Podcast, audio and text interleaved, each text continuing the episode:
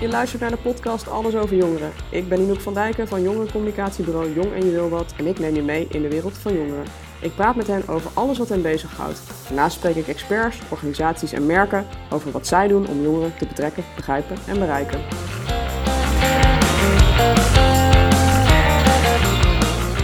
Ik zit hier met Marijke Nezer. Zij is cultureel antropoloog en genderstudieswetenschapper. Ze is vorig jaar gepromoveerd aan de Radboud Universiteit op onderzoek naar jongeren en seksualiteit op sociale media. Vanaf begin dit jaar werkt ze als zelfstandig onderzoeker en spreker. Seksualiteit en sociale media is iets wat veel volwassenen bezighoudt. Vaak zie je dat het versturen van naaktfoto's bijvoorbeeld iets is wat ze helemaal niet begrijpen, wat ze eng vinden en waar ze vooral de gevaren in van inzien. Omdat Marijke is gepromoveerd op seksualiteit en sociale media, leek zij mij bij uitstek iemand om daar verder op in te gaan. Hey, welkom eh, Marijke. Geweldig dat ik je als allereerste expert mag interviewen voor deze nieuwe podcast. Dankjewel. Heel erg leuk om te doen. Uh, mijn allereerste vraag aan al mijn podcastgasten is: hoe was je eigenlijk zelf als jongere? Um, ik was best een, uh, een brave jongere. Ik deed over het algemeen eigenlijk gewoon um, ja, heel braaf mee in het systeem. Ik ging netjes naar school en deed daar ook mijn best. Vond het ook heel leuk om naar school te gaan en was ook best goed. Um, en ook thuis, ik, ik rookte niet, uh, gebruikte geen drugs, uh, dronk niet echt veel. Uh, ik deed vrij fanatiek aan sport. Dus eigenlijk deed ik best wel netjes wat er van mij verwacht en gevraagd werd. Um, maar tegelijkertijd was ik ook wel een jongere die wel van zich liet horen als ik het ergens niet mee eens was. Dus als ik ergens uh, vond dat ik onheus uh, behandeld werd, dan deed ik mijn mond wel open, ook al naar volwassenen. En heb je daar nog een concreet voorbeeld van, hoe, hoe, dat, uh, hoe dat toen was? Het beste voorbeeld is denk ik, dat is nog wel net iets voor mijn middelbare schooltijd. Dat is zo'n levendige anekdote dat ik die misschien het best kan vertellen. Op een gegeven moment, ik keek vroeger altijd Klokhuis. En ik was daar echt gek op. Ik vond dat zo leuk. En op een gegeven moment was er een wedstrijd van het Nederlands heren elftal. En um, dat was op de tijd dat normaal gesproken Klokhuis op televisie was. Maar Klokhuis was dan uh, ja, van de buis gehaald vanwege die wedstrijd. En daar, daar was ik zo boos om. Daar liep ik zo op, op te mopperen en me over op te winnen. Dat mijn ouders zeiden, nou schrijf dan een brief. Dus toen heb ik ook echt daadwerkelijk een brief geschreven uh, naar de omroep van... Hey, uh, zijn jullie helemaal gek geworden om het klokhuis uh, te laten vervangen voor zo'n voetbalwedstrijd? En uh, waarom moeten kinderen altijd plaatsmaken voor volwassenen? En ik ben het daar niet mee eens. heb ik ook netjes een brief op terug gehad. En ik denk niet dat dit heel veel veranderd heeft, maar het geeft misschien wel een beeld van um, ja, dat ik wel graag opkom voor mijn eigen rechten en, en de rechten van mensen om me heen. Ja, echt super cool. Echt, eh, weet je, alleen kinderen uh, en jongeren kunnen dit. En ook de mooie vergelijking die je daarin maakte van, weet je, waarom moeten kinderen altijd wijken? Waarom moeten jongeren altijd wijken ja. voor de dingen van volwassenen? Ja, ik vind het echt een fantastisch verhaal. Dankjewel voor het delen uh, hiervan. Je zei van, hey, ik, ik, ik, ik was eigenlijk wel gewoon ja, een beetje braaf misschien ook. Eh, vind je dat? Ja. Uh, want dat, dat, is wel grappig. Hè? We kenmerken eigenlijk jongeren, uh, pubers heel erg met van dat je jezelf uh, eigenlijk moet afzetten tegen dingen. Um, denk je ook echt dat dat werkelijk zo is? Nou, kijk, aan de ene kant moet je een eigen levenspad gaan kiezen. En, en maak je je een beetje los van, van je gezin, van je ouders of, of andere opvoeders. Um, aan de andere kant denk ik dat we dat ook weer niet moeten overdrijven. Je, je bent gewoon onderdeel van een sociaal systeem. En dat blijf je. En um, alle tieners moeten zich op een manier verhouden tot dat systeem. Dus tot ouders of opvoeders, tot docenten, tot vrienden. Um, en dat, dat hoeft echt niet per se gekenmerkt te gaan met allerlei grote uh, gevechten en clashes en uh, moeilijkheden. Dat kan wel natuurlijk. Maar ja, ja precies. Oppassen dat we niet zo stereotypen van, van, van recalcitrante tieners. Nee, daarom vind ik het ook mooi dat je vertelt van ja, ik, ik was niet per se die recalcitrante puber, zeg maar. Omdat ik denk inderdaad dat het ook te maken heeft met bijvoorbeeld een stukje karakter of hoe uh, inderdaad uh, je omgeving, je context is. Dat dat ook maakt van hoe je ja. als jongere bent. Oké, okay, dat was jij als jongere vroeger. Um, als je kijkt naar de jongeren van nu, hè, laten we even schetsen, zeg maar tussen de, tussen de 10 en de 25. Wat vind je opvallend aan hoe zij zijn? Ja, ik vind het altijd heel moeilijk te zeggen, omdat ik, ik vind het dan moeilijk om mijzelf te omschrijven toen ik een tiener was. Laat staan een hele groep jongeren, mm om daar één ding over te zeggen.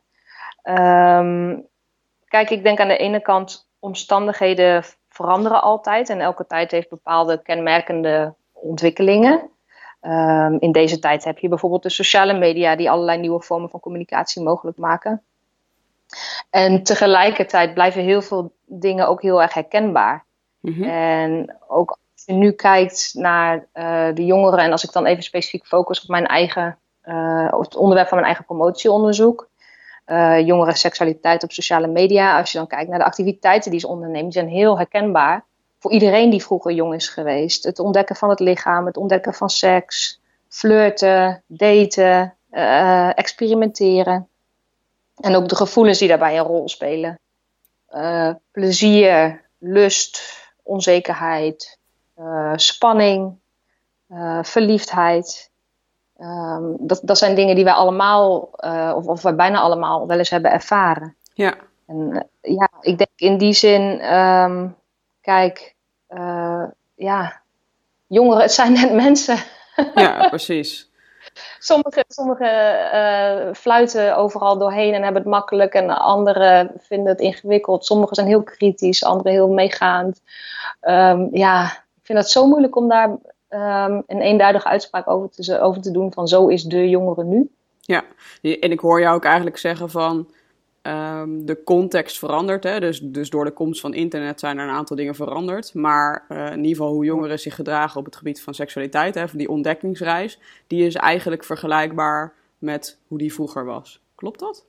Ja, zeker, zeker. En ik, ik merk het ook vaak als ik met uh, volwassenen praat en ik vertel iets over de jongeren om, bij wie ik onderzoek heb gedaan. Dan komen er ook vergelijkingen van, oh ja, wat zij nu online doen, dat deden wij vroeger achter het fietsenschuurtje of um, op het schoolplein. Um, of of um, aan de telefoon met de sekslijn. Ja. Dus als je er een beetje voor open staat, dan zie je die parallellen ook wel heel makkelijk. Ja, precies. Ja. Nou, daar gaan we straks nog inderdaad wat, uh, wat dieper op in. waarom heb je eigenlijk besloten om te promoveren op jongeren, seksualiteit en social media? Uh, ja, ik wilde promoveren om een betere wetenschapper te worden. Dus ik wilde echt beter onderzoek leren doen. Um, en de thema's uh, gender en seksualiteit, uh, die stonden eigenlijk altijd al wel centraal in mijn werk. Dus hoe gaan samenlevingen om met mannelijkheid, vrouwelijkheid? Welke ideeën bestaan daarover? Welke verhoudingen bestaan er tussen verschillende groepen? Uh, en dan vooral in relatie tot seksualiteit. Dat vond ik altijd al interessant. Um, ik had ook al eerder onderzoek gedaan onder Nederlandse jongeren. Um, en toen kwam er op een gegeven moment een oproep van een fonds, uh, het Fonds Wetenschappelijk Onderzoek Seksualiteit, uh, dat er geld beschikbaar was voor onderzoek naar dit onderwerp. En dat universiteiten zich in konden schrijven. En uh, toen heeft de Radboud Universiteit mij gebeld, want die wisten dat ik wilde promoveren. En die vroegen, goh, heb je zin om een aanvraag te schrijven? ja, nou, dat, dat leek me natuurlijk super. Want ik had al vaak onderzoek gedaan met jongeren. gender en seksualiteit zaten erin. Uh, nou, die social media, ja, daar wist ik eigenlijk niet zoveel van af toen nog. Uh, maar dat leek me wel een leuke uitdaging. Dus um, ik heb die uh, met beide handen aangegrepen en we hebben toen ook dat geld gekregen. En nou, de rest is geschiedenis. ja, precies. Ja, en, en wat is dan um, Hè, want je, je, je bent bezig geweest altijd al met, of altijd in ieder geval in je carrière met, uh, met gender en seksualiteit. Wat, wat is dat dan wat, wat daar jou aan trekt, zeg maar? Waarom is het niet uh, uh, iets heel anders? Eh, ja, goede vraag. Ik heb altijd wel een, ja, een bepaalde gevoeligheid gehad voor ongelijkheden. Uh, naast heel veel blinde vlekken, als ik nu terugkijk um, hoe ik als tiener was en, en hoe ik me uh, verhield tot bepaalde klasgenoten en schoolgenoten, denk ik, oh wat heb ik veel gemist. Maar um, ik had wel een bepaalde gevoeligheid voor ongelijkheden, bijvoorbeeld tussen mannen en vrouwen. En dat heeft natuurlijk ook te maken met het gezin waarin je opgroeit. En uh, mijn moeder die daar ook vrij spits op is. Mm -hmm. um, en op een gegeven moment kwam ik erachter dat daar woorden voor waren en dat daar theorieën over bestonden en dat daar onderzoek naar gedaan werd.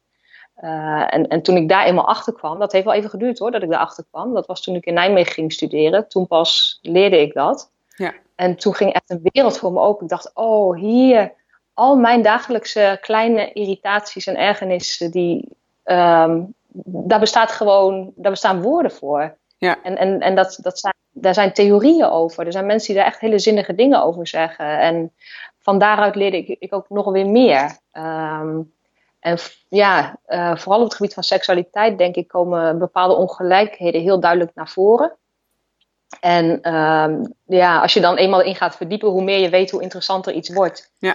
Dus dan ga je daar ook automatisch of al heel snel ga je daar verder in verdiepen. En uh, kwam ik ook, uh, raakte ik geïnteresseerd in allerlei verschillende aspecten van seksualiteit, zoals seksuele diversiteit, seksueel geweld, um, seksueel plezier. Um, ja, dus toen rolde ik daar eigenlijk steeds verder in. Ja, precies. Hey, en wat zijn dan voor jou irritaties die bestaan nu in de maatschappij rondom, rondom gender en seksualiteit? Kan je er één of twee voorbeelden van noemen? Ja, ik, ik vind zelf de twee meest uh, schrijnende uh, ja, zaken, vind ik de dubbele seksuele moraal. Dat nog steeds uh, het beeld bestaat dat jongens en mannen maar gewoon kunnen doen wat ze willen uh, op seksueel gebied. Maar meiden en vrouwen niet, mm -hmm. want dan ben je een slet. Um, en uh, dat, dat zit in zo ontzettend veel verschillende dingen. Uh, dat, dat is echt nog diep ingebakken in onze cultuur, ondanks dat het al 2019 is. Um, en het tweede is de, de hele sterke heteronorm die we hebben. Um, we gaan er met z'n allen automatisch van uit dat we twee groepjes mensen hebben: mannen en vrouwen. Uh, en die twee vullen elkaar aan en horen bij elkaar. En een standaardrelatie is een hetero-relatie. Ja. En ook dat zit in allerlei kleine dingetjes. Uh, dat, dat is zo, zo simpel als dat uh, iemand aan uh, zijn zoon vraagt: En heb je al een vriendinnetje? Ja. ja misschien krijgt die jongen een vriendje. Of, of misschien krijgt hij wel een relatie met een, iemand die, niet, die zich als niet binair identificeert. Dus het is, zo'n, het is een hele kleine dingetjes. En daardoor wordt het leven van bepaalde minderheden gewoon heel ingewikkeld. Ja, precies. En dat is wel heel strijdend om te zien hoe, hoe moeilijk het leven is als je niet in die hokjes valt of als je niet aan die normen wil voldoen. Ja. Of kunt voldoen. Nou, mooi, mooi om te horen hoe je je daarin ontwikkeld hebt. We gaan weer even terug naar, of terug, nou het is denk ik wel vergelijkbaar. Ik wil straks ook nog wel even over wat wij ook wel genderfluiditeit noemen. Um, um, um, praten met je. Maar we gaan eerst even terug naar, uh, naar het onderzoek wat je gedaan hebt. Of eigenlijk ja. wil ik nog even stapjes ter terugnemen. Want hè, uh, er is uh, onderzoek gedaan, onder andere door, door Rutgers. En we zien natuurlijk hè, dat het ontdekken van seksualiteit, daar hadden we het net ook over, de jongeren, eigenlijk een onderwerp dat natuurlijk al de hele mensheid bestaat. Hè? Anders zouden we ons niet meer voortplanten. Ja. En toch lijken er wel wat dingen veranderd ten opzichte van eerdere generaties. Hè? We kwamen net wel tot de conclusie dat dat eigenlijk de context is die veranderd is. Hè? Misschien niet zozeer de mens. Maar je ziet natuurlijk nieuwsartikelen over sexting, maar ook op de leeftijd waarop jongeren seks hebben. Hè? Die dus volgens uh, het onderzoek van 17,1 in 2012 naar 18,6 in 2017 is gegaan. Maar ook dingen als uh, hè, jongeren kijken meer porno. Uh, dat, zijn, dat zijn de dingen die we, die we zien. En um, hoe denk jij dat jongeren van nu bezig zijn met het ontdekken van seksualiteit? En denk je inderdaad dat er iets uh, in die context is veranderd ten opzichte van vroeger? Ja, de komst van sociale media is natuurlijk wel echt een, een groot een, een ding. Zeg maar. ja. Dat maakt allerlei nieuwe dingen mogelijk, zoals sexting en zoals uh, uh, porno kijken. Of in ieder geval, dat is niet echt nieuw, maar uh, de porno die je kunt vinden en, en het gemak waarmee dat kan.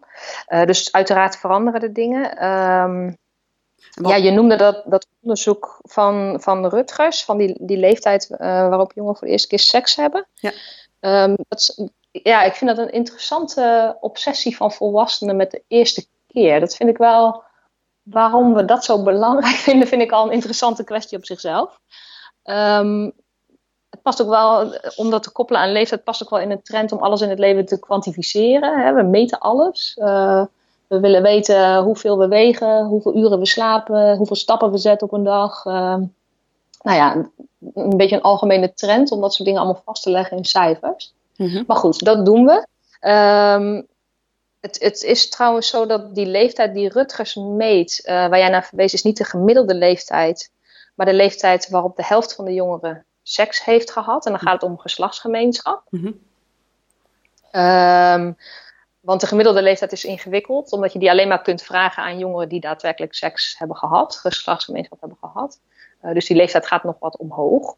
Um, dus Rutgers meet dan de mediaan. Dus op welke leeftijd heeft de helft van de jongeren seks gehad? En die is omhoog gegaan van 17,1 in 2012 naar 18,0 in 2017. Ze hebben het cijfer later bijgesteld. Dus het is iets minder dan een jaar later geworden. Uh, de gemiddelde leeftijd is iets minder veranderd. Die is van 16,6 in 2012 naar 17,2 in 2017 gegaan. Uh, dus het verschil is niet zo heel erg groot. Uh, ja, de, de grote vraag is dan natuurlijk welke conclusie verbinden we aan zo'n verschuiving? En vinden we dat een positieve of een negatieve verschuiving? Uh, dat ligt natuurlijk aan wat is, wat is de oorzaak van die verschuiving? Waarom uh, hebben jongeren later seks?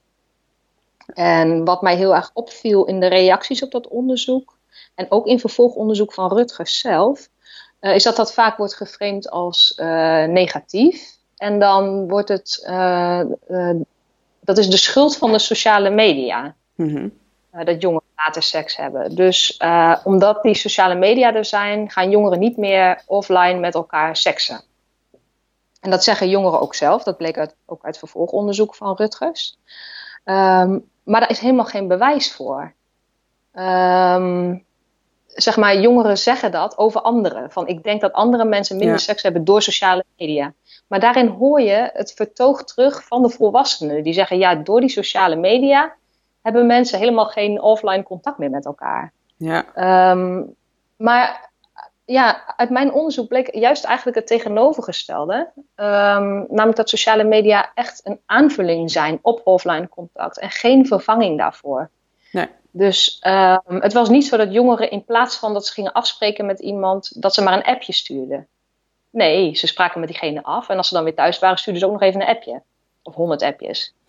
um, dus um, het, het, ja, um, het, is heel, het is heel makkelijk om de schuld te geven aan sociale media. Maar ik heb daarvoor in mijn onderzoek echt geen bewijs gezien. Uh, ik denk dat een aantal andere verklaringen wat plausibeler zijn, uh, die Rutger zelf ook aandraagt. Ja. Uh, de druk op jongeren om goede keuzes te maken. En dat is wel echt iets, dat zie je ook heel sterk in, in seksuele voorlichting en in het gesprek over seks. Um, fouten maken wordt steeds minder geaccepteerd. Uh, je, je moet het meteen goed doen. Uh, je, krijg, je, krijgt alle informatie die je nodig hebt. Hè? Zo is de gedachte. Uh, je hebt alles wat je nodig hebt om goede, verstandige keuzes te kunnen maken. Dus maak die keuzes ook. ja. Dus dat maakt het heel eng. Als alles helemaal perfect moet zijn, ja, dan, dan durf je niet gewoon maar een keertje te springen en te kijken waar je uitkomt. Uh, en een, een, andere verklaring is uh, de angst van jongeren voor veroordeling. En dat is ook echt iets wat ik in mijn onderzoek heel sterk tegenkwam. Met name onder meiden uh, de angst om veroordeeld te worden voor het feit dat je seks hebt gehad of dat je seksueel actief bent. Um, ik, ik, heb, ik sprak bijvoorbeeld een meisje van 14 en voordat zij mij durfde te vertellen dat ze seks had gehad, kwam eerst een hele disclaimer. Van ja, je moet, ja, misschien kijk je er wel een beetje raar van op en je moet niet boos worden, maar ja, uh, ja ik heb al wel seks gehad. Mm -hmm. joh, dat jij het gevoel hebt dat je daar zo ontzettend voor moet verantwoorden. Ik vroeg aan haar, was het fijn? Ja, dat was fijn. Nou, top toch? Lekker. Ja. Dus, maar er is zo'n, um, er is nog steeds zo'n uh, veroordeling van jongeren die seks hebben, met name van meiden die seks hebben, dat jongeren ook gewoon daar heel bang voor zijn. En daardoor ook gewoon niet zo makkelijk zeggen van ja, ik ga, uh, ik ga met jou uh, naar bed. Ja, precies. En helemaal als dat buiten een relatie is. Want het, het idee is ook nog steeds heel erg, zowel bij volwassenen als bij jongeren, dat seks in een relatie thuis wordt. Ja. Uh, misschien niet per se meer in het huwelijk, uh, maar wel in een relatie. En seks buiten relaties, one-night stands, daar wordt allemaal echt heel negatief en lacherig over gesproken. Ja, en misschien zeker ook nog wel voor de eerste keer. Hè? Dan is het misschien helemaal belangrijk dat je in een relatie zit. Uh, en dat, dat is het beeld ja, van je moet de juiste partner kiezen ja. op het juiste moment. Uh, ja. uh, als het voor jou goed voelt en niet zomaar met de eerste de beste, zeg maar. Ja, precies. Zo, zo, zo, zo, zijn volwassenen daar mee bezig. en ja. En het eerste punt wat je zei, van het gaat over druk om, om die goede keuzes te maken. Hè? Dus, dus jongeren hebben allerlei informatie voorhanden, al dan niet gegeven door volwassenen of gevonden. Um, hè, er wordt ook wel eens gezegd van um, die druk wordt verhoogd door sociale media, bijvoorbeeld omdat we vooral perfecte lichamen online zien. Denk je dat dat nog invloed heeft? Ja, ja um, dat is aan de ene kant is dat waar en is dat ook wel echt zorgelijk. Mm -hmm. aan de andere kant zie ik ook dat sociale media juist worden gebruikt om dat ideale lichaam uit te dagen. Of dat ideale lichaamsbeeld, niet dat lichaam. Um, maar het idee, dat we, het idee dat we er allemaal zo perfect uit moeten zien, wordt ook echt uitgedaagd. Er is een hele. Uh, de, de, body positivity movement, dus het hele idee van uh, jouw lichaam is goed zoals het is. Uh, dat, dat neemt een enorme vlucht, bijvoorbeeld op, ook op Instagram. Wat juist heel vaak gezegd wordt van ja, op Instagram laat iedereen alleen maar perfecte levens en perfecte lichamen zien. Uh, maar dat is niet waar. Er zijn ook accounts waar juist mensen laten zien uh, dat niet iedereen perfect is volgens de huidige standaarden. En dat dat ook niet geen probleem is, maar dat die standaarden het probleem zijn. Ja. En uh, het, het, ligt er maar aan welke accounts je volgt en wat je zelf doet op sociale media, zoals Instagram. Uh, wat je ziet en waar je mee in aanraking komt en wat voor invloed dat heeft op jouw eigen leven. Ja, precies. precies. Dus het, aan de ene kant is er dat risico van die uh, perfecte lichamen en met Photoshop. En dat, dat is wel echt tricky. Uh, een aantal jongeren benoemden ook echt van. Um, die hadden echt het idee van, omdat je kunt photoshoppen, moet je ook photoshoppen. Dus een foto met een moedervlek of een, of een puist of zoiets die online zetten, dat kan niet. Want je kunt toch photoshoppen, haal hem dan weg. Ja. Dus dat, dat zijn wel, uh, dat, dat is naar, uh, zorgelijk. Uh, maar niet, dat is niet het enige wat er op sociale media gebeurt. Het wordt ook uitgedaagd, er vindt discussie plaats. Um, je ziet steeds meer diversiteit, meer gekleurde lichamen, meer, meer verschillende lichaamsvormen, meer lichamen met, met beperkingen. Ja. Um, op allerlei manieren wordt het ideaal ook uitgedaagd. En daar put ik dan toch wel weer hoop uit. Ja, precies. Dus dat is natuurlijk even, hè, ook het mooie aan sociale media... is dat er zoveel verschillende mensen zijn. Hè. Onze maatschappij zelf ja. is hè, gewoon natuurlijk ook online tegenwoordig. Uh, waardoor uh, we eigenlijk helemaal niet zo zwart-wit kunnen zeggen... van door sociale media hebben jongeren bijvoorbeeld inderdaad minder seks of later seks? Of heb, zijn ze banger om seks te hebben? Dat is niet de schuld van het internet. Hè, dat, dat is eigenlijk waar we het nu ook over hebben. Hey, en dan nog even terug naar die veroordeling. Um, waar denk je ja. dat die vandaan komt, hè, dat jongeren dat zo voelen? Oh ja, dat is, ja, dat is echt al heel oud. um, met name de veroordeling van met name vrouwen en meiden, om, omdat zij seksuele wezens zijn, is echt al heel oud. En die wordt ook steeds maar weer opnieuw gereproduceerd in, in films, in reclames, in grapjes in de kroeg, uh, in, in voorlichtingsmateriaal. Um, ja, we blijven dat met z'n allen. Echt bizar. Ik was ook echt een beetje teleurgesteld. Um, ik had mijn afstudeeronderzoek deed ik in 2004, 2005. Mm -hmm. En toen was de titel van mijn scriptie Zij zijn hoe hij is stoer. En die dubbele seksuele moraal onder jongeren, toen was het onderzoek, was echt een centrale uitkomst van het onderzoek. En toen ging ik dus tien jaar later met mijn promotieonderzoek bezig. dacht ik, nou, nu zal er toch wel iets veranderd zijn, hoop ik. En opnieuw is die dubbele seksuele moraal een van de belangrijkste bevindingen uit mijn onderzoek. Dan denk ik, jeetje, dat, dat is tien jaar later en er is gewoon helemaal niks veranderd. Nee, nee dus het zit zo in ons ja. Het zit zo ja. in ons als mens, lijkt dus wel. Um, en, en we versterken dat door uh, hè, via media of, of mediadragers, zeg maar, uh, um, uh, beelden naar buiten te brengen die dat bevestigen, zeg maar. waardoor ja. het waarschijnlijk niet helpend is om dat beeld ook te veranderen. Maar dat zit dus zo in onze kern. Um, nou, niet, niet, in onze kern, in ons als mens, maar in onze cultuur. In onze cultuur, dus het, het dus in de maatschappij. Dat, dat is wel belangrijk. Ja. Er is nog hoop dus. Ja, Precies. Gelukkig. Ja, want als je, zodra je gaat zeggen van ja, dat zit nou eenmaal in ons. Want die reactie krijg ik ook wel eens. Van ja, weet je, oordelen zit nou eenmaal in mensen. Stereotypen zit nou eenmaal in mensen. Hokjes denken. Ja, dat is natuurlijk zonde. Dat is helemaal niet waar. We kunnen als mens kunnen we altijd aan onszelf werken en onszelf verbeteren. Ehm, en heel veel dingen die wij doen worden ingegeven door gewoonten. Omdat dat nou eenmaal zo gebeurt in onze cultuur. Maar het kan ook anders. En, en, en daar moeten we ons aan vasthouden, denk ik, om te kijken hoe kunnen we een zo eerlijk en rechtvaardig mogelijke wereld maken. Ja, precies. Oké, ehm, ehm, we hadden het daar net al even kort over. Hè?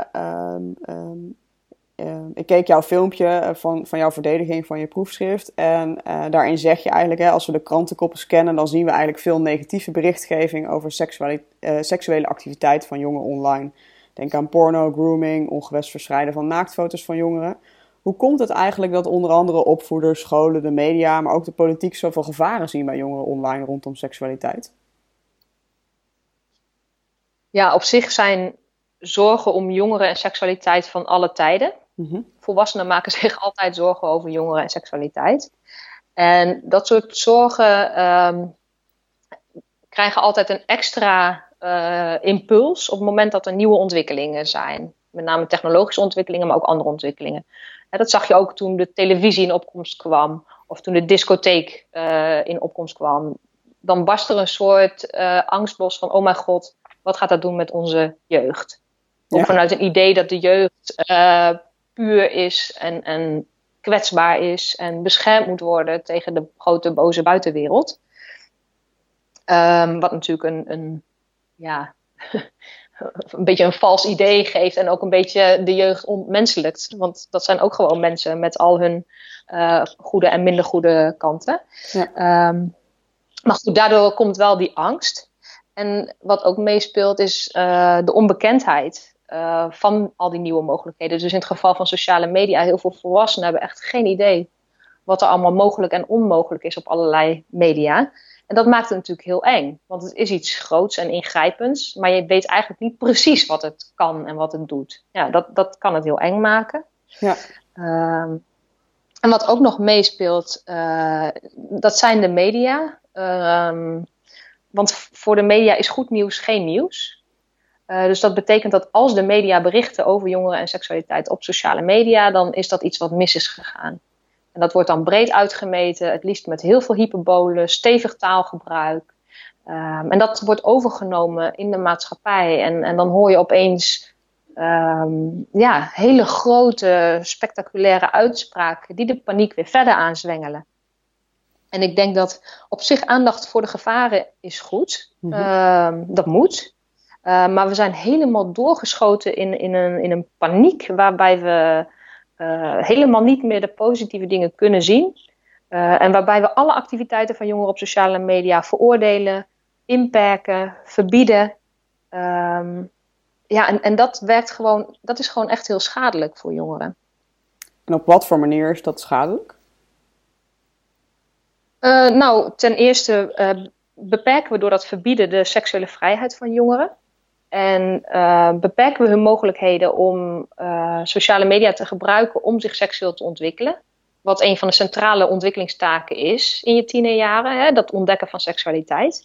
Dus dat is, dat is gewoon, uh, ja, daar, daar, door sociale media te verbieden of te ontraden, beperken we jongeren daarin. Um, maar het werkt ook victim blaming in de hand als er iets misgaat. Uh, als er dan een keer iets naars gebeurt uh, op sociale media, uh, dan is de reactie al heel snel van ja, had je daar ook maar niet op moeten gaan. Ik zei toch dat je dat niet moest doen, of ik zei toch dat je voorzichtig moest zijn. Um, waar je natuurlijk slachtoffers voor geen meter mee helpt. Um, en waardoor bovendien degene die dan die schade hebben aangericht, dus die iets naars hebben gedaan, die, die vallen helemaal buiten beeld. Ja, dus, dus, de werkelijke oorzaak van alle problemen wordt, wordt helemaal niet aangepakt. Nee, nee dus hè, die, die, die, die, die, die jongeren die zeg maar bijvoorbeeld een, een naaktfoto doorsturen... Uh, of, of uh, sexy getint materiaal doorsturen, die blijven eigenlijk buiten, uh, bui, buiten spel, zeg maar. En degene die, die, die het materiaal gemaakt heeft, daar wordt eigenlijk naar gekeken. En daar zit ook weer die veroordeling eigenlijk in, waar we het ook al aan het begin van het gesprek over hadden. Ehm, het, ja, het, het veroordelen van had je dat maar niet moeten doen. Had je maar niet op sociale media moeten gaan. Had je maar niet die foto moeten maken. Ehm, ja, dat, is, zeker best erg, een van de. Ja. ja. dat is zeker een van de, een van de gevaren is, is het zonder toestemming doorsturen van iemands uh, sexy materiaal. Dus uh, ik stuur iemand een sexy foto en diegene stuurt die foto zonder dat ik daar toestemming voor heb gegeven door aan andere mensen of zet het online. Um, en daar zie je inderdaad um, hoe schadelijk de reacties uh, zijn en, en hoe sterk we aan victim blaming doen, zie je daar in, in optima forma. Degene die die foto heeft gemaakt, die wordt veroordeeld en, en die wordt dom genoemd. En als de meisjes wordt ze een slet genoemd. En uh, die krijgt allerlei narigheid over zich heen, zowel van jongeren als van volwassenen. En um, degene die die foto heeft doorgestuurd, wat natuurlijk de, de werkelijke schuldige is, die, die krijgt helemaal niks. En dat bleek uit, ook uit vervolgonderzoek wat ik nog heb gedaan naar dit onderwerp. Die, die, die jongeren die andermans materiaal hebben zitten verspreiden, die worden gewoon uh, zonder straf of iets weer naar huis gestuurd. Ja. Ja, dat is echt, dat is echt shocking.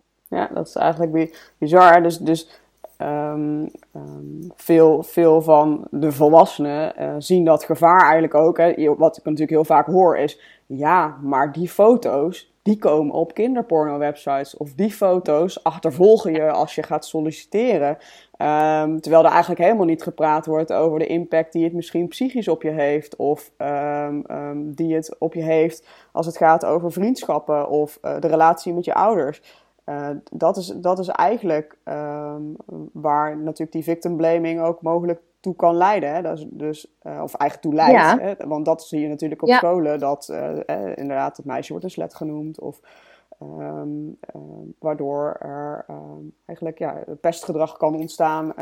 en, en dat heeft eigenlijk een enorme impact op jongeren. Misschien wel een veel grotere impact op jongeren dan dat die foto misschien als dat al gaat gebeuren, hè, met de hoeveelheid data die wij verspreiden natuurlijk. Als die foto ooit nog boven water komt.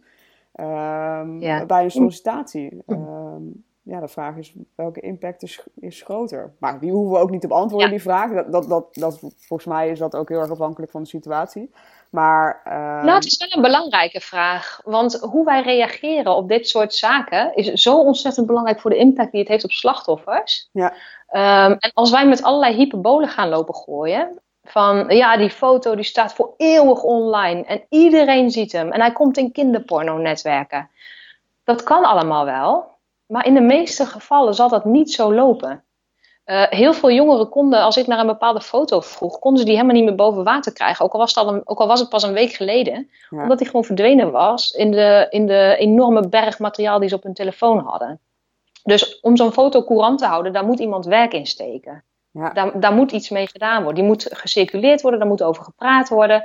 Er zijn mensen die daar echt uh, tijd en moeite in investeren. En daar zit de crux. Zeg maar dat die foto op zichzelf um, doorgestuurd wordt zonder dat iemand dat wil. Dat, dat, is, dat is problematisch en heel naar. En dat kan ook echt wel heel traumatiserend zijn voor mensen.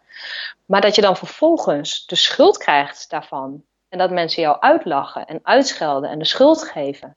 Dat is pas echt schadelijk. Ja, precies. Maar dat is eigenlijk. Dus dat is wel belangrijk om daar wat aan te doen. Ja, precies. Maar eigenlijk zien we nu dat, dat hè, eh, even tussen haakjes gaan we even generaliseren. Volwassenen, heel veel volwassenen, dat eigenlijk nog niet zo zien. Hè, dat nog steeds de focus ligt op. Je moet dat materiaal maar niet maken. Um, ja. Wat ik overigens ook. Dat vond dus niet. Ja. Nee, vertel nog even ja? verder.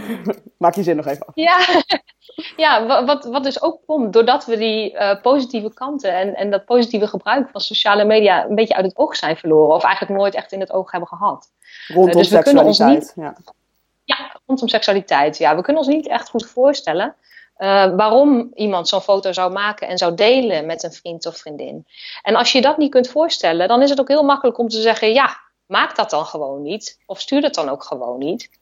En dan, dan raak je in dat victim blaming vertoog terecht. Dus um, als wij ons niet kunnen voorstellen waarom jongeren dat doen, um, ja, dan komen we ook niet uit die paniek. En ik hoop dat mijn onderzoek daar een klein beetje aan bijdraagt om te laten zien van eh, kijk eens wat een positieve betekenis het allemaal kan hebben. Ja, precies. Nou, over die positieve betekenis wil ik zo nog wat dieper op ingaan.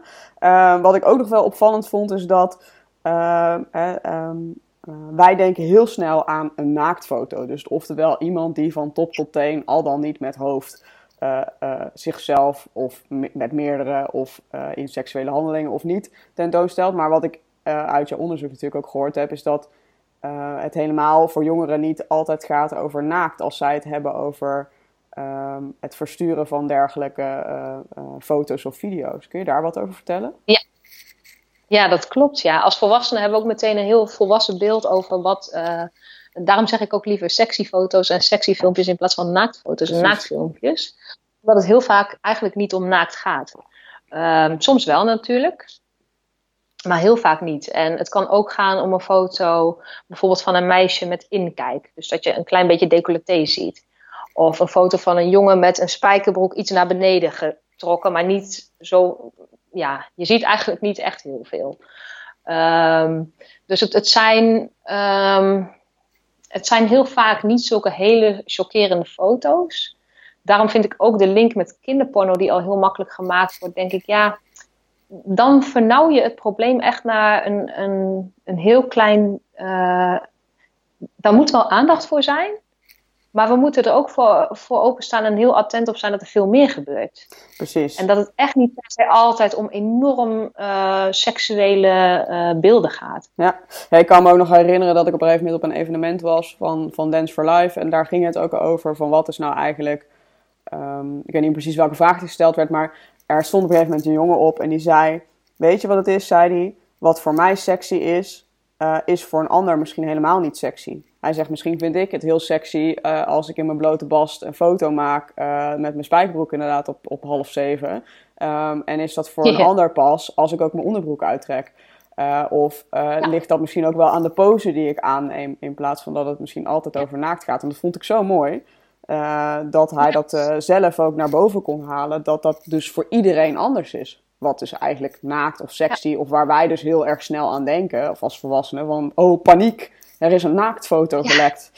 Um, maar dat hoeft niet altijd werkelijk waar naakt te zijn. Jongeren kijken inderdaad naar sexy materiaal. Dus eigenlijk, wat is sexy? Wat is, hè? En dat is misschien ook wel weer gedreven door, die, door, die, door dat, die, die, die punten die, die zij natuurlijk bezig zijn met ontdekken. Hè? Dus ontdekken van het lichaam. Uh, wat is eigenlijk seks? Wat is flirten? Welke gevoelens heb ik bij, bepaald, bij bepaalde mensen of bij bepaalde beelden of bij Hè, dus is dat lust, onzekerheid, verliefdheid. Um, hè, ik denk inderdaad, iemand die verliefd is, kijkt ook heel anders naar een jongen in een blote bast. Dan iemand die misschien lustig is. Of iemand die misschien denkt, wie is dit?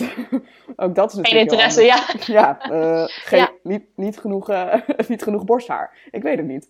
Hè, dat, dat, dat, kan natuurlijk uh, voor iedereen anders zijn. Dus dat is ook natuurlijk wel heel mooi om te realiseren dat uh, dat die materialen niet altijd um, zo enorm um, chockerend voor ons als volwassenen hoeven te zijn.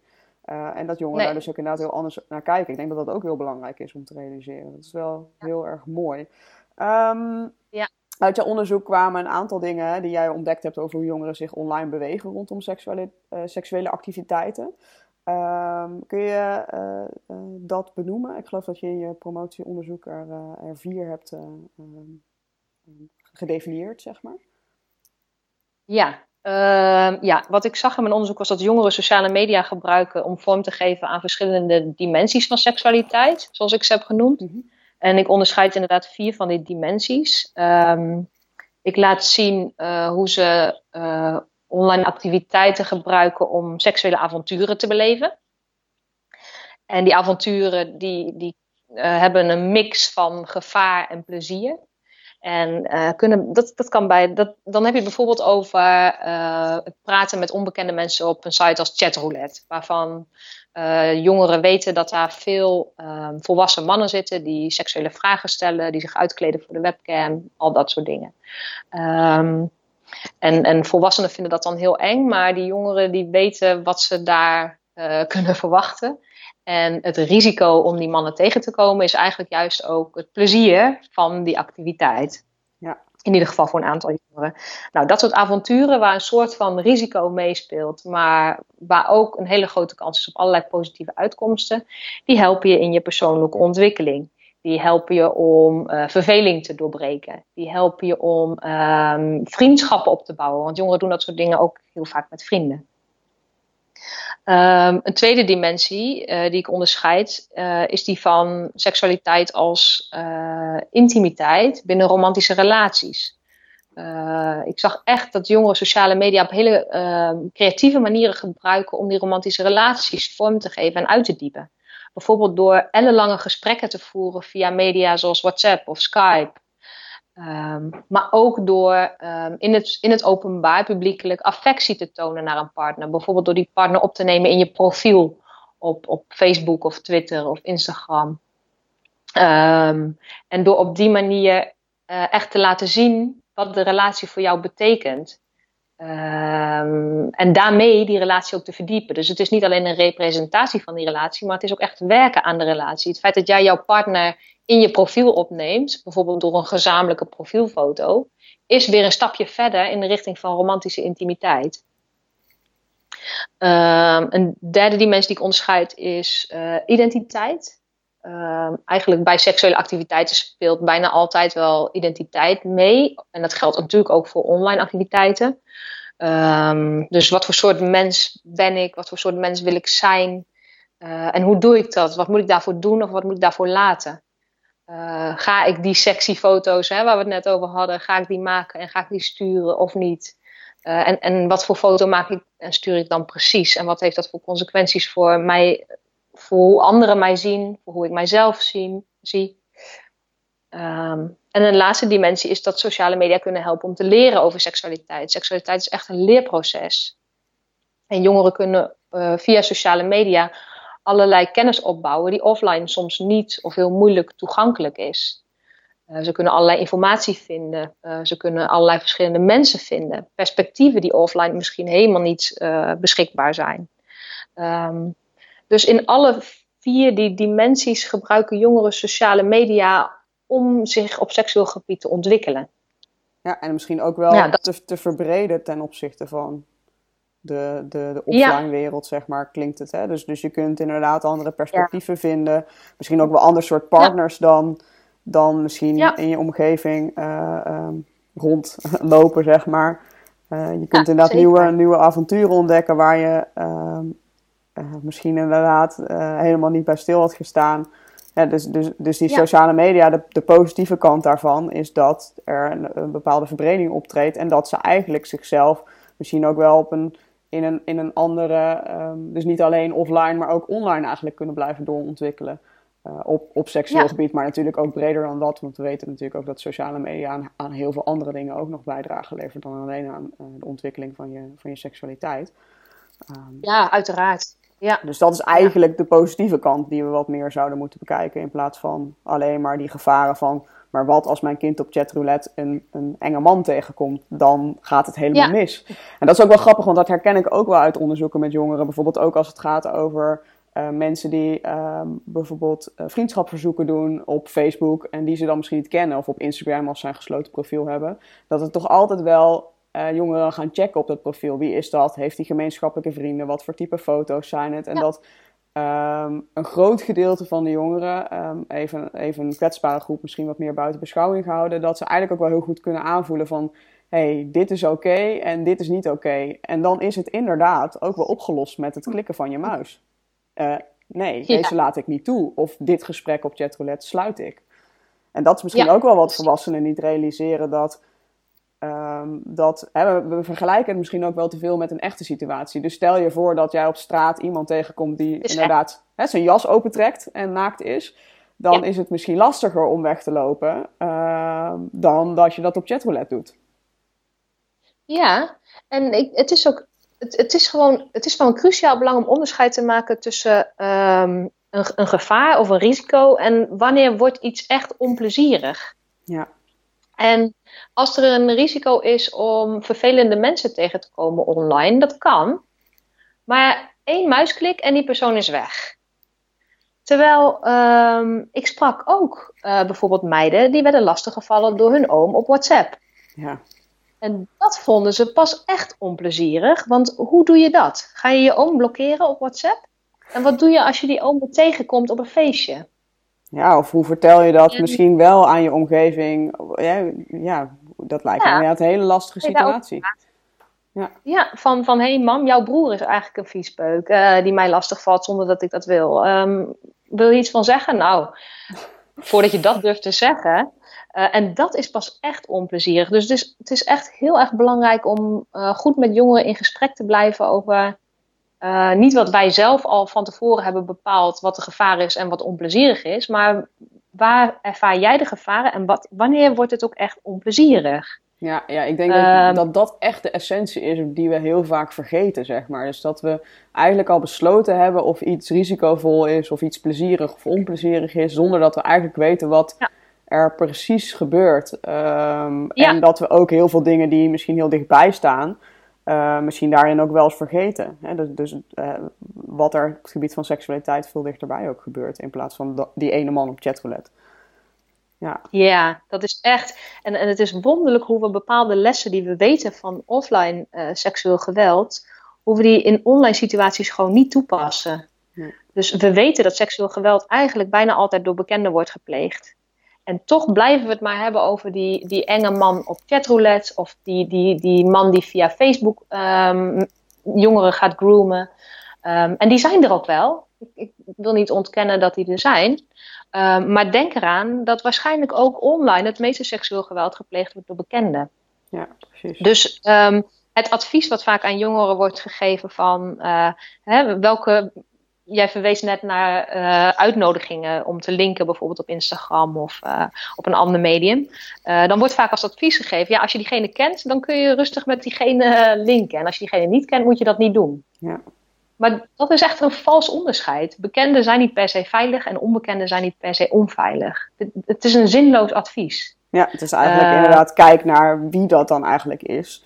Want inderdaad, iemand kennen. Ja ja, bedoel, je buurman kan ook heel vervelend zijn, die ken je, maar ga je die dan in je tuin laten? Uh, precies. Waarschijnlijk niet. dus, ja, dus, precies. Dus, ja, dus nee, daar precies. zou het veel meer over moeten gaan. Maar dat is, ja, dat is natuurlijk ja. dat is iets wat wel heel erg lastig is. Of tenminste, dat zie ik toch wel veel, ook in gesprekken met jongeren over bijvoorbeeld voorlichting. Dat, dat dat eigenlijk bijna niet ter sprake komt. Hè? Dus dat inderdaad het advies, uh, ik denk ook dat ze dat doen om jongeren een soort van houvast te geven. Hè, dus te zeggen, iemand ja. die je kent laat je toe, iemand die je niet kent niet. Maar eigenlijk zou uh, de zin moeten zijn, kijk wie het is. Uh, of je die kent en wat je van die persoon vindt of wat je erbij voelt. En ga dan besluiten um, of je diegene toelaat ja. of niet. Um, ja. In plaats van, want inderdaad, als, als al die contacten geblokkeerd worden, dan is er inderdaad ook uh, bijvoorbeeld geen mogelijkheid tot het maken van nieuwe vriendschappen of uh, uh, relaties, nee. zeg maar. Precies. Hè, dat dat is eigenlijk heel erg zonde ook. Dus het is veel beter om ja, jongeren goed te leren nadenken over um, ja. wanneer wel en wanneer niet. Um, zonder dat het inderdaad gaat over kennen. Vertrouwen. Ja, ja. Een beetje vertrouwen op jongeren, want mijn ervaring is net als wat jij net schetste, dat de gemiddelde jongeren, en dan heb ik het inderdaad niet over kwetsbare groepen of, of de jongeren met een verstandelijke beperking of die groepen, maar de gemiddelde jongeren um, is al heel goed doordrongen, ook doordat ze zoveel gewaarschuwd worden natuurlijk. Is al heel goed doordrongen van de mogelijke gevaren en die hebben al allerlei creatieve manieren bedacht um, om, om dat op te lossen en om voor zichzelf de risico's acceptabel te houden. Ja. En um, ik, ik, noem altijd heel graag als voorbeeld een koppel wat ik heb geïnterviewd, die elkaar online hadden leren kennen. En um, voordat zij uh, elkaar ook offline gingen treffen, heeft dat meisje, dat was een hetero koppel, en dat meisje heeft echt als een detective uh, die jongen lopen checken. Dus zij heeft echt al zijn profielen geanalyseerd. Ze heeft hem foto's laten sturen via WhatsApp en die stopte ze dan weer in Google Images. Uh, en dat is echt al een paar jaar geleden. Hè? Toen was dat echt nog heel erg uh, nieuw en onbekend. Ze ging met hem skypen. Um, ze liet hem een foto opsturen van het treinkaartje dat hij echt naar haar onderweg was. Um, zij is echt als een detective daar te werk gegaan. En dat was een VMBO-meisje, een meisje die op het VMBO zat, waar heel veel vooroordelen over bestaan. Ja. Hè, dan dus gelijk aan kwetsbaar misschien wel, weet je wel, vanuit, ja, vanuit haar opleidingsniveau. Dom, ja. naïef, uh, rommelt maar wat aan. Uh, nou, dat was in, in dit geval zeker niet het geval. Ik denk dat veel volwassenen nog iets konden leren van haar aanpak. Ja. Um, tegelijkertijd deed die jongen helemaal niks om, om haar te checken. en ook dat is wel weer tekenend, want um, richten ons zo ontzettend op meiden als potentieel slachtoffer en jongens als potentiële pleger uh, van grensoverschrijdend gedrag. Dat we soms vergeten uh, om de meiden een beetje ruimte te geven en de jongens een beetje te waarschuwen. Ja, ja dat, dat, dat denk ik zeker. Dat, je, je ziet dat heel veel. Hè, we, hier, hier in de omgeving van Eindhoven uh, blijkt bijvoorbeeld jongensprostitutie een vele malen een groter probleem te zijn. Uh, dan prostitutie van meisjes bijvoorbeeld. Hè? Maar dat is iets wat we, waar we uh, ook misschien weer vanuit die cultuur dus minder bij stilstaan. Uh, dat ja, jongeren natuurlijk, of jongens ook in de prostitutie terecht kunnen komen. en dat dat, ja, dat, dat, dat het niet vanzelfsprekend is dat meisjes dat alleen maar overkomt. Of dat, of, of dat ze die keuze maken, zeg maar. Dus dat is natuurlijk ja, dat gaat weer heel erg over die cultuurgedachte. Denk ik dat hij daar aan bijdraagt. Hey, nog, um, um, we zitten inmiddels op ongeveer 50 minuten. ik ben wel nieuwsgierig, wat is, wat is het meest ontroerende of positieve verhaal wat je gehoord hebt over jongeren, hoe jongeren vormgeven aan seksualiteit via sociale media in je onderzoek? Uh, ja, ik heb echt heel veel mooie ontroerende en positieve verhalen gehoord. maar ik ben misschien wel het meest onder de indruk van de jongeren die buiten de uh, bekende normatieve vakjes vallen, die bijvoorbeeld niet hetero zijn of niet cisgender. Uh, hè, dus dan ook het over de lesbische, homo's, de biseksuele, transseksuele, queer, intersexe jongeren. Um, en een van die jongeren was bijvoorbeeld Lana, een meisje van 16, toen, tijdens, mijn tijdens mijn onderzoek. Um, en die was lesbisch. En dat had ze een hele tijd heel ingewikkeld gevonden. Uh, want ze kende niemand in haar omgeving die ook lesbisch was. Dus ze voelde zich eenzaam, ze voelde zich onzeker. Ehm, wat voor mens ben ik? Heb ik bestaansrecht? Omdat zij niemand om zich heen zag die zo was.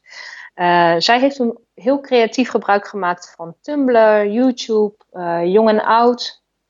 Uh, om echt op zoek te gaan naar informatie van hoe zit dat met mij en dat ik op meisjes val. Kan dat? Bestaat dat? En toen vond ze dus allerlei informatie en allerlei mensen die ook zo waren. en zij daarmee erkenning, herkenning, steun. Um, ze kreeg advies. Um, en misschien wel het belangrijkste van alles, zij ontwikkelde daardoor een veel positiever toekomstbeeld. Van hé, hey, ik kan bestaan. Ja, en, mag en, zijn. Ja, en dat niet alleen. Ik kan, een, ik kan een mooi leven opbouwen. Zij volgde bijvoorbeeld twee meiden op YouTube die filmpjes maakten over hun uh, lesbische relatie. En dat waren hele leuke meiden, uh, met heel veel humor en, en uh, heel geslaagd, zeg maar, volgens huidige standaarden. En zij dacht, hé, hey, wauw, je kunt lesbisch zijn en gewoon een leuk leven leiden en een leuk mens zijn en humor hebben. En nou, er ging een wereld voor haar open. En um, ja, ik vond dat zo mooi om te zien. En ook hoe zij later weer terug heeft gegeven door zelf uh, een filmpje op te nemen en te delen op YouTube. En door zelf heel actief um, te zijn op websites zoals Tumblr en zoals Jong en Oud. En daarmee ook weer anderen uh, in haar omgeving te helpen. Ja. En om bewustwording op gang te brengen onder mensen dat er seksuele en genderdiversiteit bestaat. dus ja, dat, dat vond, vond ik wel echt een heel mooi sterk verhaal uh, van wat een ontzettend mooie bijdrage sociale media kunnen leveren als jongeren het op een goede manier gebruiken. Ja, absoluut. Ja, ja want ja, haar, het heeft haar leven heeft het veranderd in dat opzicht. Dus dat is natuurlijk echt wel een voorbeeld van wat sociale media met je kan doen. Um, ja, en, en zij waar... zei zelfs tegen me... Ik, ja. Wat zei ze? Ja. Ze zei, ik weet niet of ik er nog was geweest als, als ik niet via sociale media andere mensen had ontmoet. Ja, ik denk dat er heel veel jongeren zijn die die, die tekst uh, zouden kunnen zeggen. Op allerlei verschillende gebieden. Omdat het gewoon simpelweg je wereld verbreedt. Hè? Uh, uh, die, wat offline gewoon altijd lastiger is, omdat je gewoon de verplaatsbaarheid van de andere kant van de wereld niet kunt bereiken zomaar. en dat kan natuurlijk via internet wel. Oké, ik wil eigenlijk ons gesprek um, afronden. Um, Um, in de verdediging van je proef geef, geef, je ook aan dat het tijd wordt om de paniek rondom sociale media en seksualiteit eigenlijk achter ons te laten. En dat we discussie moeten voeren op een manier die bijdraagt aan het seksuele plezier en de vrijheid van jongeren. Als je drie tips mag geven aan, aan de luisteraars over hoe zij dat uh, zouden kunnen doen, welke tips zou je dan willen meegeven? Wat een eer om drie tips te mogen geven. Als het bij één of twee zijn, is het ook goed. Ehm, nou, ik zal allereerst heel open en sekspositief het gesprek aangaan met jongeren. En dat kan bijvoorbeeld door vragen te stellen in plaats van uh, adviezen te geven. En uh, jongeren vonden het ook heel leuk om met een volwassene te praten, is mijn ervaring, die vragen stelt. En die niet meteen daarover een oordeel velt, maar die nog weer een vervolgvraag stelt. Dus dat helpt ook heel erg om het gesprek op gang te brengen. En dan kun je op een gegeven moment ook heus wel kritische vragen stellen. Uh, maar daardoor blijf je veel meer in een gesprek in plaats van dat je een kloof uh, creëert. Um, en over dat kritisch blijven gesproken zou ik als tweede tip mee willen geven om ook echt heel kritisch te blijven ten opzichte van je eigen normen en blinde vlekken. Ik zag bijvoorbeeld dat heel veel volwassenen het heel lastig vonden als we het hadden over dat, um, die ongewenste verspreiding van sexy beeldmateriaal. Uh, dan zeiden ze, ja, maar ik moet mijn kind toch waarschuwen dat dat kan gebeuren. Um, ja, maar moet je je kind ook vertellen wat het moet doen als het van iemand anders een foto of een filmpje ontvangt. En welke verantwoordelijkheden dat met zich meebrengt. Maar daarmee moet jij je eigen kind dus zien als een potentiële pleger van grensoverschrijdend gedrag. Nou, dat is natuurlijk een blinde vlek voor heel veel uh, opvoeders, wat logisch is. Um, maar daar moeten we heel kritisch over blijven. En denken, oh ja, mijn kind kan dat doen. Um, misschien moeten we het daar ook eens over hebben. Dus heel kritisch blijven tegenover je eigen uh, normen en blinde vlekken. En ja, als laatste, ligt, het ligt een beetje voor de hand, maar geef zelf het goede voorbeeld. En ik kan me nog steeds ontzettend opwinden over hoe mensen, volwassenen, hebben gereageerd op een casus als die van Patty Bart. Uh, wiens uh, seksfilmpjes werden verspreid zonder dat zij daar toestemming voor had gegeven. En waar mensen vervolgens gewoon om gaan, om gaan lachen. Waar memes over gemaakt worden, die mensen ook echt delen. en, en, en waar zij om veroordeeld werd. En waar allerlei hele nare opmerkingen werden gemaakt over, over haar en over haar leeftijd. Want oh mijn god, een, een 60-plusser die seks heeft. Um, dus dat soort dingen, daar moeten we met z'n allen niet meer aan meewerken. We moeten gewoon um, stoppen met die veroordeling. En zelf het goede voorbeeld geven van, joh, weet je, mensen richten hun leven in zoals ze dat willen en laat ze dat gewoon lekker doen.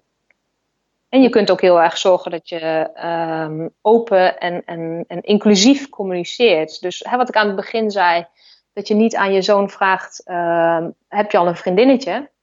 Uh, maar uh, hey, heb je al verkering? Als je het überhaupt wil vragen. Um, maar dat je dus inclusief formuleert dat het iedereen zou kunnen zijn met wie diegene een relatie aangaat. Dus je kunt heel erg door je eigen uh, taalgebruik, je eigen acties, door je eigen, hoe jij het voorleeft, doen de jongeren in jouw omgeving het na. Ja. Dus ja, ja. Verbeter de wereld, begin bij jezelf. Ja, zo'n mooie, mooi, mooi cliché, maar daarom zijn het ook clichés. Ja, maar dat is eigenlijk ook wat ik uit het, cliché. Ja, wat ik ook uit het gesprek haal, is inderdaad dat wij als uh, volwassenen, zeg maar, ook een hele grote invloed hebben in uh, hoe jongeren zich blijven en gaan ontwikkelen op seksualiteit. Ja. Omdat wij uh, met de angsten die we hebben, of de veroordelingen die we hebben, of de manier waarop we praten, eigenlijk daar een hele grote invloed op hebben op hoe zij bepaalde dingen beleven. En inderdaad, aansluitend op jouw laatste tip, ik vraag ook altijd aan iemand, gewoon of het nou volwassen of jongere is, uh, als ik iets wil weten over of uh, hij of zij een relatie is, heb je inderdaad een partner? En dan is het aan hem of haar te vertellen of dat een, een, een man of een vrouw of, of ja, dat, dat, dat is niet aan mij om te beoordelen of je per se een relatie hebt met, een, uh, uh, met iemand van gelijke seks of iemand van niet gelijke seks. Dus dat zijn denk ik inderdaad... hele... kleine dingetjes ja. waarmee we een groot verschil kunnen maken, ja. uiteindelijk. Ja, en waarmee we dus ook jongeren het gevoel kunnen geven dat ze er mogen zijn en dat ze zich mogen ontwikkelen. op wat voor manier dan ook. En dat als er dan dus ook op wat voor manier ook iets gaat gebeuren waarbij het risico toch heel groot is of het risico eigenlijk al geweest is, dat ze dan misschien ook op ons af durven stappen en durven zeggen: hé, hey, er is toch iets gebeurd waar ik me heel erg onprettig bij voel. Wil je me helpen? Wil je me ondersteunen? Um, uh, kun je iets voor me doen? Ja. Want dat, ja, doordat precies. we die openheid pakken, um, zorgt het er ook voor dat we op die manier jongeren kunnen helpen. Nou, Marijke, ik vond het... Ja, en in verbinding Ja, ik vond het een, eh, verbinding heel mooi. Ik vond het een uh, bijzonder uh, interessant gesprek. Uh, ik wil je heel erg bedanken ja. voor, je, voor je bijdrage aan deze eerste podcast. En ehm, nou ja, bedankt. Jij heel erg bedankt voor de uitnodiging. Heel erg leuk.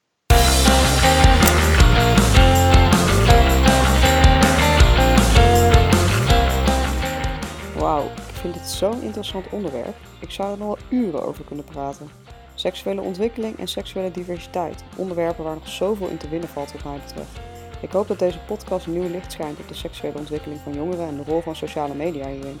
En dat ook jij gaat bijdragen aan het niet meer beperken, verbieden en veroordelen van activiteiten van jongeren, maar dat je juist door deze inzichten kunt bijdragen aan de seksuele vrijheid. Laat mij en Marijke weten wat je vindt van onze podcast. Je kunt haar vinden via marijkenezer.nl. En check even de schrijfwijze in de beschrijving van deze podcast. Uh, en mij kun je natuurlijk gewoon vinden door mijn naam in te typen. Of even te checken. Ik vind het ontzettend gaaf om deze kennis met je te kunnen delen. Mij help je er enorm mee als je je abonneert op deze podcast en het deelt met je netwerk via sociale media. Dankjewel voor het luisteren en tot de volgende keer.